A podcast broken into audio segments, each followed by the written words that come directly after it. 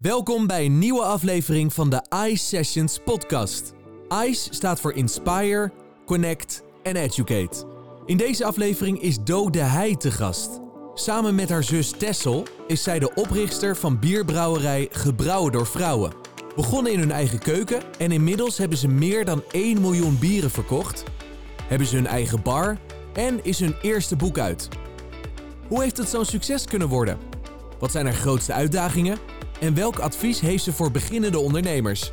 Je hoort het in deze aflevering vanuit Startup Campus Haarlem. Have fun!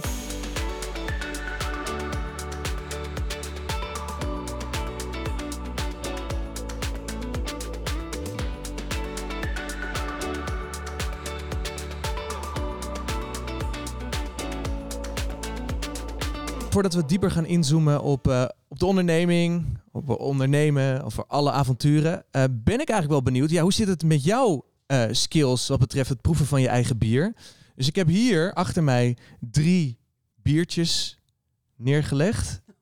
En op de onderkant heb ik een letter geschreven. Daar mag je nog niet naar kijken, maar daar staat dan het antwoord. Ik ben benieuwd of je het gaat raden, Do. Of dus, je hem herkent. Of je hem herkent. Ja, dit is bloesemblond. Nou, proef hem even.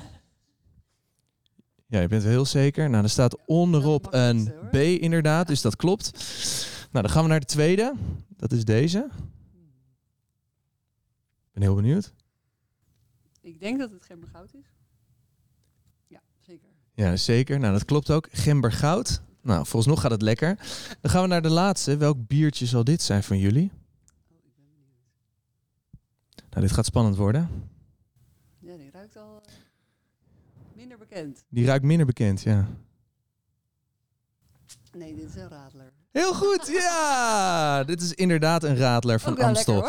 nou, met, jou, uh, met jouw proef- en ruisskills zit het, uh, zit het wel goed, inderdaad. Gelukkig. Uh, gebrouwen door vrouwen. Maar wat is dan de vrouwelijke touch in jullie biertjes?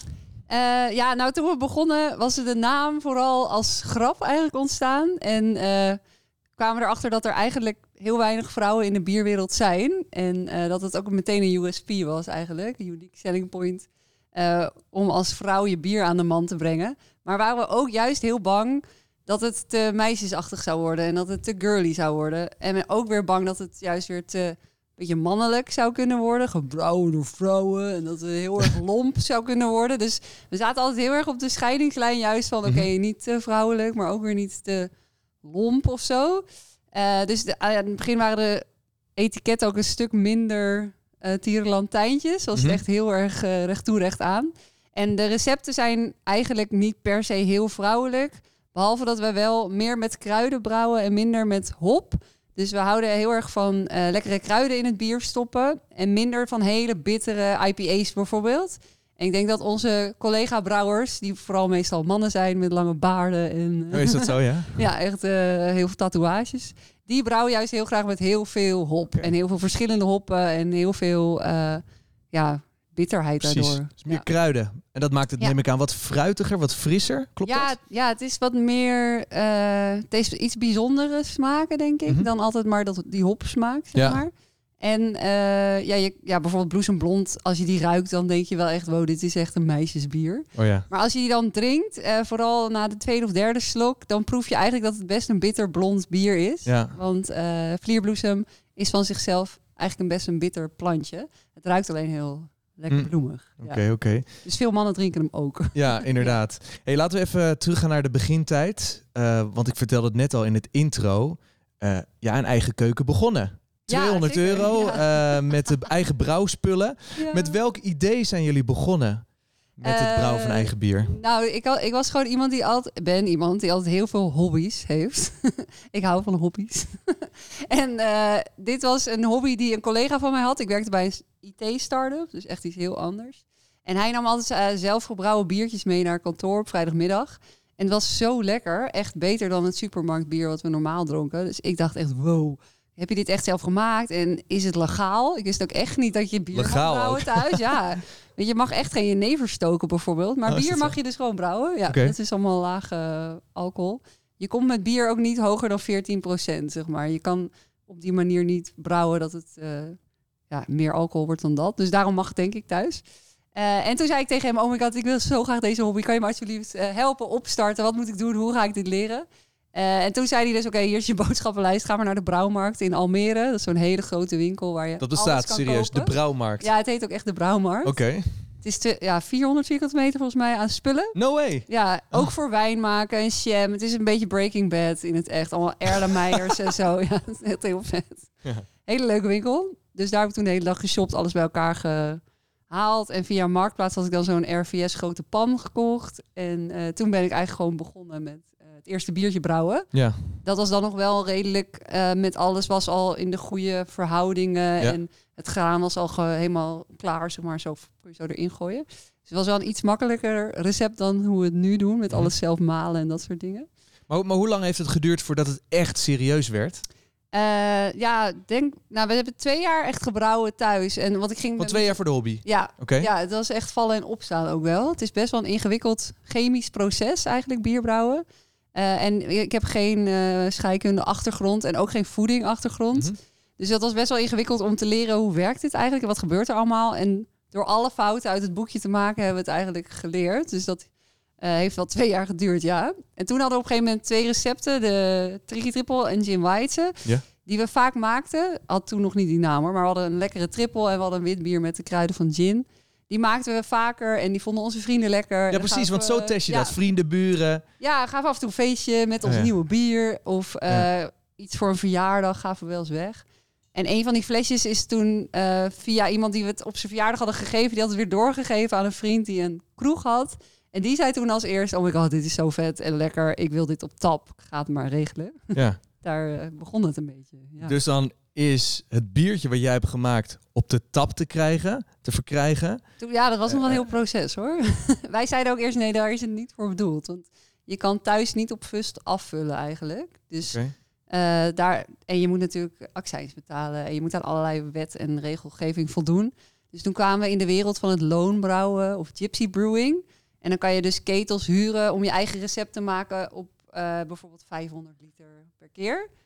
Eh, en ja, dus hij was best wel vasthoudend, maar ik wil gewoon jullie bier op tap. En nou, Ja. toen begonnen wij natuurlijk ook wel een beetje te dromen. Het zou wel heel vet zijn. Je eigen biertje in de zon, Ja. op het terras van de tap. Eh, dus toen kwamen we een beetje in die wereld van het loonbrouwen en eh, hadden we een plekje gevonden naar best wel zoeken. Want er zijn er weinig waar je zulke kleine hoeveelheden kan maken. En alles zat vol, want het was een beetje ja, net voor de hype begonnen we, zeg maar. Dus we zaten er middenin toen we groter wilden gaan. En eh, ja, hij zat gewoon helemaal vol met eh, groepjes mannen die bier wilden brouwen. En toen zei hij, ik heb wel volgende week een uitvaller. Ik heb eigen wachtrij, maar ik wil ook wel een keer met vrouwen brouwen. Dus dat was meteen ons allereerste ja, soort van eh, geluk of hulp eigenlijk. Die het had om als vrouw in die mannenwereld te zijn. Want we, mochten voor de wachtrij Ja. dat plekje opeisen. En dan, dan ben je op een gegeven moment ben je binnen, maar je wil natuurlijk het ook waarmaken. En je wil voor langere termijn, neem ik aan, bier gaan brouwen. Hoe heb je uiteindelijk eh, die, die mensen waarmee je samenwerkt kunnen overtuigen om, eh, om het langer, lange tijd vol te houden? Ehm, nou, het was eigenlijk nog best wel lang een hobby, eerlijk gezegd. Oh wel, oké. Ja, Ja. want als je op 500 liter brouwt, dan kost het zoveel dat je er niks aan verdient. Dus het bleef echt een hobby die geld kostte. Alleen waren er steeds meer mensen die het wel wilden hebben. Dus het kostte ons ook steeds meer tijd. En dat heeft denk ik drie kwart jaar of zo geduurd. eh, dat ik gewoon fulltime werkte. En dan voor werk waren we facturen aan het sturen, een beetje administratie. Na werk gingen we naar al die nieuwe klanten laten proeven en Mhm. het ook bezorgen. Toen nog vaak op de fiets. en eh, in het weekend stonden we dan af en toe op een bierfestival. En daar hield je dan wel iets aan over. Ja. Maar toen dachten we, oké, we moeten gaan opschalen. Dus groter brouwen, zodat we er iets aan overhouden. Of we moeten nu stoppen met nieuwe klanten en het teruggaan naar de hobby. Ja. Nou, dat is natuurlijk veel te leuk om te stoppen. Dus toen hebben Is er wel twijfel geweest die periode? Zeker, ja, ja, Ja? ja. Ja, en ook wel, onze ouders zijn ook niet echte ondernemers. Dus die zeiden ook, jullie hebben allebei een vast contract bij een hartstikke leuk bedrijf. Ja, oh ja. Waarom zou je dat opzeggen? Eh, en we wisten, ja, we wisten ook niet hoe je een bedrijf moest runnen. Dus ja, het, het ging echt vanaf nul, zeg maar. Mhm. Zouden we dan gaan beginnen en ook geen idee of het zou lukken. Want zelfs met 10.000 liter die we dan toen gingen brouwen, was het nog steeds niet zeker of je daar überhaupt een salaris uit kon halen. Mhm. Dat heeft ook nog wel een halfjaartje geduurd. Ja. Dus ehm, eigenlijk is het een beetje zo. Ja, doordat de vraag zo groot was, dachten we: oké, laten we dan maar groter gaan brouwen. Kijken of we eh, schaalvoordeel kunnen behalen. Maar ja, toen kwamen ook wel de eerste leningen. Want eh 10.000 liter kost 30.000 euro ongeveer. Moet je allemaal voorfinancieren. Want je bent een startende ondernemer. Ze gaan dat niet allemaal zomaar aan je geven. Betaal maar over een maand. Dus we moesten voor het eerst geld lenen. We moesten een busje hebben. We moesten opslag hebben. Want eh, voordat we die 10.000 liter brouwden, stond alles bij, vooral bij mijn broertje in huis. Want die was de enige die op begane grond woonde. dus we hadden een soort iglo's in zijn huis gemaakt waar hij doorheen moest. Maar ja, met die- al die dozen van 10.000 liter kon dan niet meer. Dus er kwam ook een eh, loods bij en zo. Er kwam gewoon opeens heel veel bij kijken. Ja. En dat was een beetje het moment. En in, in 2016 eh, was het moment dat jullie echt je baan ja, dat kwam daarna. Ja, hebt opgezegd. Eh super spannende stap lijkt me. ja Hoe heb je die wel. tijd ervaren? Nou, het was wel heel raar om opeens zelf te moeten bedenken wat je gaat doen elke dag. We hadden Ja. allebei gewoon een vaste baan. Ik werkte wel bij een start-up, dus ik was wel iets meer gewend om mijn eigen agenda te bepalen. Maar vooral mijn zus, die werkte bij Albert Heijn op het hoofdkantoor. Die ging gewoon naar haar kantoor, laptop open. Oké, dit moet ik doen. Oh ja. En nu was het opeens, oh my god, wat gaan we morgen eigenlijk doen? En hoe laat moeten we ergens zijn? En wat moeten we allemaal meenemen? En ik heb ook regel- regelmatig bij afspraken gezeten om half negen of kwart voor negen. Gewoon vrij vroeg. En dan was ze er niet. Want ze ging pas om negen uur de laptop openklappen. Wat gaan we Oh ja. doen vandaag? Ja, ja. Dus dat was vooral heel erg wennen. En ook je tijd indelen was heel moeilijk. We hadden alles helemaal volgepland. En dus geen tijd om ook maar iets op te volgen. Dus de eerste twee maanden was het gewoon alleen maar rennen, rennen, rennen, rennen. ja. Helemaal alweer bijna overwerkt. En daarna hadden we door, oh ja, als je dingen doet en met mensen afspreekt, moet je ook tijd inplannen om, dat, om daar iets mee te doen. Een soort van vrije tijd. En maak je dan ook een soort eh, taakverdeling? Eh, ja, dat vraagt iedereen altijd. Maar dat- we hebben dat niet echt. Nu begint het een beetje hoor. We bestaan nu ondertussen alweer zeven jaar. En nu merk je wel, ik doe meer social media. En mijn zus doet meer de grote klanten zoals Albert Heijn. Want daar is natuurlijk gewerkt. Dus weet precies hoe die retailwereld werkt. Maar eh, receptontwikkeling doen we nog steeds samen. Alle meetings met designers doen we nog steeds samen. Leuke projecten doen we samen. We gaan heel vaak ook even samen achter één computer zitten. Om gewoon dingen te regelen. En even, oké, dit moet echt gebeuren. We vinden het allebei niet leuk, maar laten we het dan maar even samen doen. Dus eerlijk gezegd is het nog steeds wel veel eh, Ja. met z'n tweeën. Ja, heel waarschijnlijk heb je acht functies in één ook. Dat ook, ja. Ja, inderdaad. Hey, ehm, eh, nou, je noemde het net al. Op een gegeven moment kwamen jullie bij Albert Heijn ook eh, terecht. 2017, als ik het goed heb. Ja. Ontzettend belangrijk om als biermerk in de schappen terecht te komen. Via een product pitch. Ja, klopt. Hoe is dat gegaan? Eh, ja, nou, op zich toen Tessel daar werkte en dat bier al had, zeiden ze al steeds... als je klaar bent voor het schap, eh, kom maar. Ah, ja, dat scheelt Maar natuurlijk. wij ja. waren natuurlijk helemaal nergens klaar voor. dat was al een grote chaos. En Al- Albert Heijn leveren is echt heel ingewikkeld. Dus eh, toen die pitch voorbij kwam, dachten we... oh, dat is echt een mooie manier. Want dan kreeg je ook een coach die je helpt... hoe ga je eigenlijk aan Albert Heijn leveren? Hoe werkt dat allemaal? En je kreeg een investeringsbudget van 50.000 euro... eh, in jouw Albert Heijn eh, presence, zeg maar. Dus dan kon je mee in zo'n bonusactie. En nou ja, wat denk je dat één pagina in de allerhande kost, bijvoorbeeld? Doe een schatting. Eh, halve ton? Ja, ja natuurlijk. 48.000 euro. Ja. Ja. Ja, ik Dus ja, gewoon dat hè. Nee, ik, ik gokte maar wat. Ja. Het zijn hoge bedragen die wij natuurlijk helemaal niet hadden. Dus het was heel chill dat je met een soort van duwtje in de rug het, schap op kon. Er waren toen tien ondernemers die gingen pitchen. En drie eh, gingen het schap op. En waren wij er dus één van. Dus heel blij mee, maar ook wel een klein beetje verwacht. Omdat Tessel natuurlijk wel die mensen allemaal kende. En ze wisten ons verhaal al. Dus Ja, er, het zat er Kleine wel een voorsprong beetje jullie. in. Ja, ja. maar wel alsnog waren we super blij. En, ja, eh, snap ik. ja, dat was, heeft wel geholpen om het bier wat bereikbaarder te maken. Daarvoor hadden we wel fans en mensen waren heel nieuwsgierig. Maar ja, als dan iemand vroeg, bijvoorbeeld in Leiden, waar kan ik het kopen? Dan zaten we echt zo, eh, Ja. misschien is dat één slijter die het heeft. Ja. Ja. dat is wel heel lastig. En Ja. nu eh, ja, kunnen mensen bij de Albert Heijn kopen, dus dat scheelt wel veel. Ja. Hey, we praten zo meteen verder over eh, jullie buitenlandse ambities. En ik wil het ook nog wel even hebben over de ondernemerskills. Want zoals je net al aangeeft, ja, je wordt op een gegeven moment ondernemer. En dan moet je Ja. met allemaal extra dingen rekening houden in plaats van, eh, of tegelijkertijd met het brouwen van bier. Maar we maken deze podcast niet met z'n tweeën. We doen dat met alle aanwezigen hier bij Startup Campus Haarlem.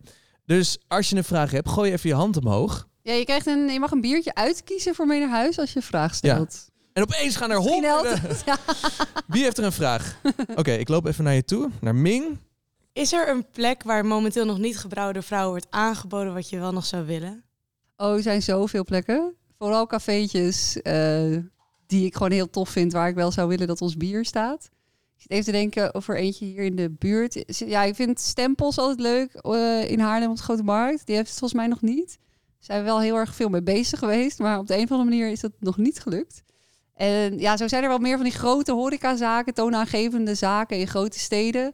Waar het soms best lastig is om eh, binnen te komen als klein biermerk. Omdat je geen deals kan aanbieden zoals, weet ik veel. Ja, je krijgt bij veel brouwerijen krijg je soms wel 3 plus 1 gratis op een fust.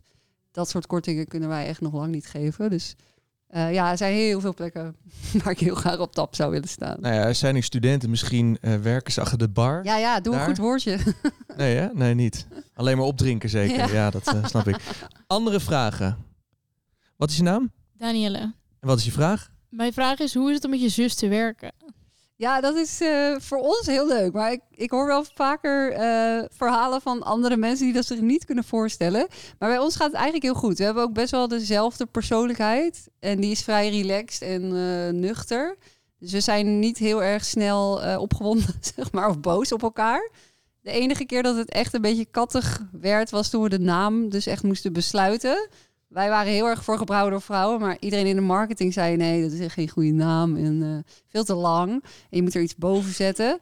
En toen hadden we echt wel, we wisten het gewoon niet en daardoor uh, werd het een beetje kattig. En dat is nu nog steeds, als we het ook heel druk hebben, of een van de twee is echt eigenlijk een beetje overloaded, uh, dan kan die ook een beetje eh, zo gaan doen.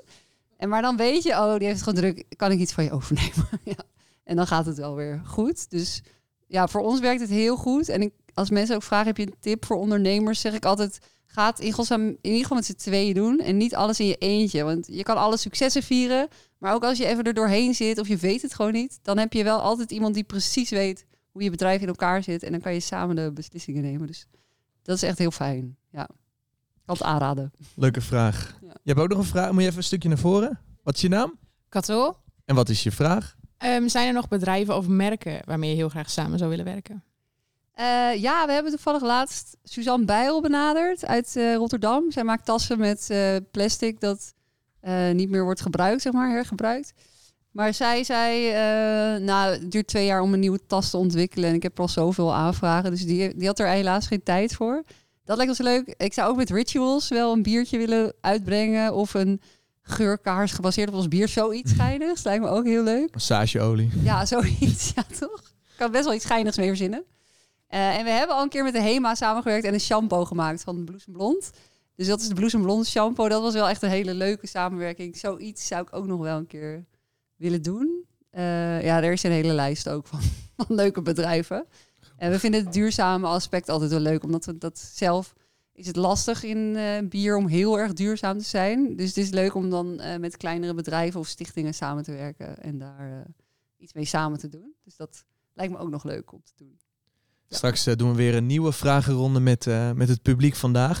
Even, ik wil het even met je hebben over ondernemerskills. Want je begint dus met bier brouwen. Maar op een gegeven moment, als het serieus wordt, moet je ook nadenken over strategie, marketing, sales, personeelswerving. Ja. Hoe hebben jullie dat aangepakt? Uh, nou, onze eerste werknemer was Exact Online. Dat is een boekhoudprogramma. Ja. dus ja. dat scheelde al veel. Want het was echt... We zijn allebei niet zo nauwkeurig. Dus in elke factuur zat een fout. En om ook bij te houden wie er wel niet had betaald... was in een Excel-sheetje. Dus die hadden we vrij snel... Dat scheelde heel veel. Uh, dus ik denk vooral dat we veel tools inschakelen... om ons te helpen met al die dingen. Maar HR is nog steeds een uh, struikelblok wanneer iemands contract precies verloopt en dat je dat weer zelf moet uh, regelen dat er een nieuwe komt, dat soort dingen. Dat wordt vaak vergeten. dus er zijn nog steeds onderdelen in het bedrijf waar we niemand voor hebben kunnen aannemen, nog omdat we te klein zijn. Het export is ook zoiets, echt een hoofdpijndossier, omdat ik dat altijd moet doen, maar ik, ik weet niet hoe het werkt. Dus ik mis daar echt mensen. En design ook is nog steeds, uh, hebben we freelancers. Ik zou heel graag iemand in-house willen die uh, alle designs kan en die dingetjes kan oplossen. Wat ik nu zelf zit ik dan in InDesign weer iets aan te passen en dan werkt het weer net niet hoe ik wil. Dan denk ik echt, dit is gewoon niet mijn specialiteit. Ik wil hier iemand voor, ja, die gewoon naast me zit. Ja. Uh, dus uh, die dingen zijn er eigenlijk nog steeds. Maar je leert natuurlijk heel veel on the way. Dus ja, ja ik wist heel veel dingen niet over hoe je een bedrijf moet runnen en dat je vooruit moet plannen en ja, cashflow problemen. Had ik ja. nog nooit van gehoord. Maar die komen heel erg veel op je pad als je net Maar begint. hoe kom, je, hoe kom je dan aan je kennis? Hoe los je dat soort problemen op als je het tegenkomt? Ja, toch wel een beetje on the go en eh, hulp durven vragen. Dat is, ja, ik ben er iets minder goed in, maar Tessel, mijn zus, die durft echt alles aan iedereen te vragen qua hulp. En ik heb ook wel eens geleerd, als je iemand vraagt om hulp, dat diegene jou daarna aardiger vindt. Omdat je een soort van vertrouwen legt in diegene. Kijk, ik, ik vraag dit aan jou, ik weet dat je het Ja, ja. kan. Of ik durf het eh, ja, aan jou specifiek te vragen. Hm. Dus sindsdien durf ik ook wel iets meer aan mensen advies te vragen. En eh, ja, ook gewoon hard op je bek gaan. En dan weet je het voor de volgende keer hoe je het niet moet doen. Nee, nee, precies. Dat is sowieso wel een goeie. Op een gegeven moment werd Nederland te klein. Even met Nou, een knipoog. Nee, weet ik ook wel. Eh, maar er werd wel op een gegeven moment over de Ja. grenzen heen gekeken. En jullie kwamen terecht, niet in België, Luxemburg, maar eh, in China. Ja, Waarom stond China hoog op jullie verlanglijstje? Nee, zo ging het helaas niet. Nee, hoe ging Wij stonden wel? hoog op iemands verlanglijstje in. China. Ja. Ja, die wou heel graag ons bier hebben. En dat was ook weer een beetje dat we zeiden, nou, ik weet niet of dit allemaal eh, gaat lukken. En is echt totaal niet onze prioriteit nu. Maar ze wilde het heel graag. En het waren drie jonge gasten die een soort blog hadden en dan eh, Europees bier importeerden. En daar in al die craft barretjes heb je dan in Shanghai. Van die hippe barretjes met allemaal koelkasten uit de hele wereld. Daar wilden ze dan eh, bijvoorbeeld ook ons bier in. Maar er stonden meer Nederlandse bieren. Eh, en toen eh, vonden we dat natuurlijk wel heel erg grappig. Ik kon het eigenlijk niet echt geloven. Maar goed, ze hebben een paar pallets afgenomen. Het ging op het schip naar China. En toen eh, stond het daar dus. Maar we konden het niet echt geloven. En we vonden het zo vet dat we dachten, we gaan er gewoon heen. dus toen zijn we naar Shanghai gegaan om te kijken... zijn er echt Chinezen die ons bier drinken? Ik kan me gewoon niet voorstellen. Maar daar stond het gewoon in een koelkast. Kon je, ja, ik weet niet meer welke, Jim White's in ieder geval, Ja. afrekenen en in dat cafeetje daar drinken. Oké, maar eh, neem ons eens even mee naar het moment dat jij dus in Shanghai zit. Ja, man. En dan een slok neemt van Ja. je eigen biertje. Wat gaat er dan eh, door je heen? onwerkelijk. We waren ook totaal oververmoeid, want ons vliegtuig had twee, ja, een dag vertraging. En we hadden al een super vol programma, dus we hadden eigenlijk niet geslapen. En eh, je wordt soort van verwacht als je dan bij Chinese mensen op bezoek bent, dat je ze ook mee uit eten neemt en daarna heel hard met ze gaat suipen. Je moet langer blijven dan zij en je moet meer drinken dan zij. Dus eh het was allemaal heel Klinkt als een studentenleven. Ja, echt zo. Maar ja, heel erg lachen natuurlijk. Ja. Ja, ik kan nog steeds niet geloven dat het daar... Het is nu ook weer weg, hoor. Ja. Dat, dat het daar heeft gestaan, het blijft bizar. Ja. Maar eh, het- toch hebben jullie ambities eh, om eh, de rest van de wereld te veroveren? Jawel, uiteindelijk wel, maar er is nog één groot struikelblok en dat is de naam. Het door vrouwen, het klinkt gewoon grappig, het rijmt. Het is echt wel heel erg Hollands. Al onze communicatie is ook in Nederlands, al onze eh, social media. Dus we zijn er nog niet echt zo op die manier klaar voor. Brewed by Women is toch een beetje saai. En Brewed by Bitches gaat weer net te ver. Dus dat is een beetje lastig. Ik denk, wij zitten nu te denken, misschien moeten we gewoon bloesemblond, blassemblond noemen en dat het merk soort van maken in het buitenland. Mhm. Maar nee, nog niet echt een plan. En we hebben wel nu veel aanvragen, dus het gaat wel naar Duitsland en België en de, en de UK af en toe. Maar daar verkopen ze gewoon onder gebrouwen door vrouwen en plakken ze er een sticker op met Ja, wat ja. het echt is, zeg maar, de, Ja. in hun taal. Dat is wel heel leuk, maar er is, ja, wat je zegt over strategieën en plannen, die is er op dit gebied ook nog niet Nee. echt. Nee. Nou, een andere, eh, andere droom die wel uit is gekomen is, het, eh, is de eigen bar in, eh, in Amsterdam. Eh, is dat altijd al een eh, droom geweest van jullie? Ja, zo'n grote droom. Al, ja. we hebben zeker twee jaar gezocht naar een goede locatie. En waarom? Eh, nou, we hebben geen eigen brouwerij. Dus we zijn nog steeds loonbrouwers of gypsy brewers. We brouwen ons meeste bier nu bij Jopen, hier vlak bij jullie in de buurt. En bij Lindeboom in Limburg. En we missen dus heel erg een plek waar mensen heen kunnen komen om het merk te beleven, om alle bieren van de tap te drinken, om ev- events te geven, proeverijen, pubquizzen. We deden dat nu tot, ja, tot we die bar hadden altijd bij horeca-klanten, maar dat was best wel veel gedoe en geregel. En eh, ja, je wilde gewoon een soort flagship. Dus eh, na heel veel zoeken in Amsterdam is dat echt een crime. Want eh, de overnamekosten zijn vaak een miljoen. of in ieder geval een half miljoen. Dat konden we natuurlijk echt niet betalen. Dus het was best wel zoeken naar een soort compromis. Dat het wel betaalbaar was, maar wel op een goede plek. En we wilden heel graag een hoek. En dat je binnenkomt meteen aan de bar zit en een klein terrasje. Dus toen we dit, deze plek vonden, dat heeft hij allemaal. Toen zaten we echt zo, wow, ja, dit is het gewoon, dit is het gewoon. En toen eh, konden we het eigenlijk ook niet geloven. Toen hebben we ook een bod gedaan van volgens mij ongeveer de vraagprijs. En 200 speciaal bier voor de eigenaar die er toen in zat. en volgens mij heeft het wel een beetje over de streep getrokken. Want Oh, hij- ja, hij had heel veel best wel goede aanbiedingen van ketens. Dus Febo wilde er zitten. Oh, ja. En ja, en allemaal. Toen zei hij ook, ja, dat vind ik toch minder leuk. Ik gun het jullie eigenlijk wel. Mooi. En hij heeft echt, het eerste jaar zat hij elke dag aan de bar. Dus. Heel grappig. Ja. Ja. Nou, bier eh, eh, zorgt voor wonderen soms. Ja. Dat eh, blijkt maar weer. Welke rol speelt deze bar in het gehele merkverhaal van gebrouwde vrouwen? Ja, ik vind het heel lastig, want het eerste jaar was superleuk, maar toen kwam corona. Dus we zijn twee jaar een soort van dicht geweest voor mijn gevoel. En het stond echt een beetje stil. Het begint nu weer op gang te komen en je merkt toch gelukkig dat mensen terugkomen. Het heeft best wel ook een buurtfunctie. Dus wat dat betreft eigenlijk niet een hele grote merkfunctie. Maar we nodigen wel kroeg-eigenaren bijvoorbeeld uit om te komen proeven. En eh, we hebben heel veel feestjes. En daardoor denk ik dat het wel heel erg voor de merkbeleving helpt. En Mhm. toch, als ik daar zelf aan het werk ben, is er altijd wel iemand uit Breda of Antwerpen of Twente die helemaal naar Amsterdam komen om bij ons een biertje te Oh ja. drinken. Dus Ja, maar dat is een compliment is waard er. natuurlijk. Ja, Dat is daarom. Bijzonder. Ja. het is wel heel leuk, maar als ik nu de balans opmaak, is het voor mij echt eh, nog niet goed. Want het heeft me twee jaar wel echt heel veel stress bezorgd. Mm. Maar het was verschrikkelijk. Ja. Ja. En wat is dan de beleving die je wil meegeven? Als voor de, voor bezoeker. Dus we hebben het net gehad over het merk zelf. Ja, Eh, maar als bezoeker, dus ik ga daar eh, dit weekend heen. Eh, ja En nou, gastvrijheid staat natuurlijk helemaal echt heel Ja? erg bovenaan. Dus eh, gast, eh, nou eigenlijk is ons personeel het belangrijkste. Want als zij blij zijn, dan maken zij de mensen die er komen blij. Dat merken we heel erg. Dus we hebben hele leuke meisjes die werken achter de bar. En het is een heel gezellig team. En dat merk je wel als je binnenkomt. De sfeer is altijd goed. Eh, we proberen iedereen altijd heel blij te maken. En wat nieuwe dingen te laten proeven. Dus als je zegt, doe mij maar een Heineken. Dan gaan we toch wel proberen om je Ja, minimaal naar Jim White te helpen. Ja, snap ik wel. Ja. Vragen voor, eh voor Do. Kom even jouw kant op. Wat is je naam en welke vraag heb je? Eh, Nova. En met welke smaak is het eigenlijk allemaal begonnen? En eh, welke vind je zelf het lekkerst? Oh ja, heel goede vraag. Eh, nou, dit is begonnen met eigenlijk Tricky Triple en Jim White. Die kwamen tegelijk als eerste uit, die oranje en die groene. Eh, maar echt begonnen is het toch wel met die triple. Dat was het recept dat we vaak maakten, wat altijd lukte.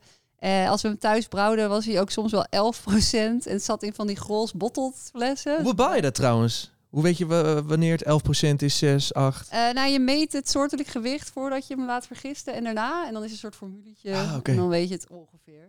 Ja, het is, het is natuurlijk altijd nog wel een beetje gokken, inderdaad. Eh, dus die was eigenlijk wel de eerste echte knaller die we vaak maakten, de triple. Maar je merkt nu dat de trend best wel naar beneden gaat qua alcohol. Dus het is niet ons meest verkochte bier. Dat is bij Far Blues Blond. Die is 50% van de omzet. Terwijl we ondertussen al iets van negen bieren hebben. Dus dat is wel heel grappig.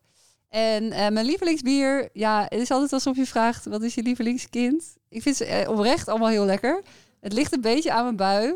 Eh, maar als ik op een bierfestival bijvoorbeeld sta en ik ga bij alle concurrenten proeven en die hebben allemaal weer dikke sours, dubbel IPA's, smoke porters, weet ik veel wat voor vieze bieren je allemaal kan proeven.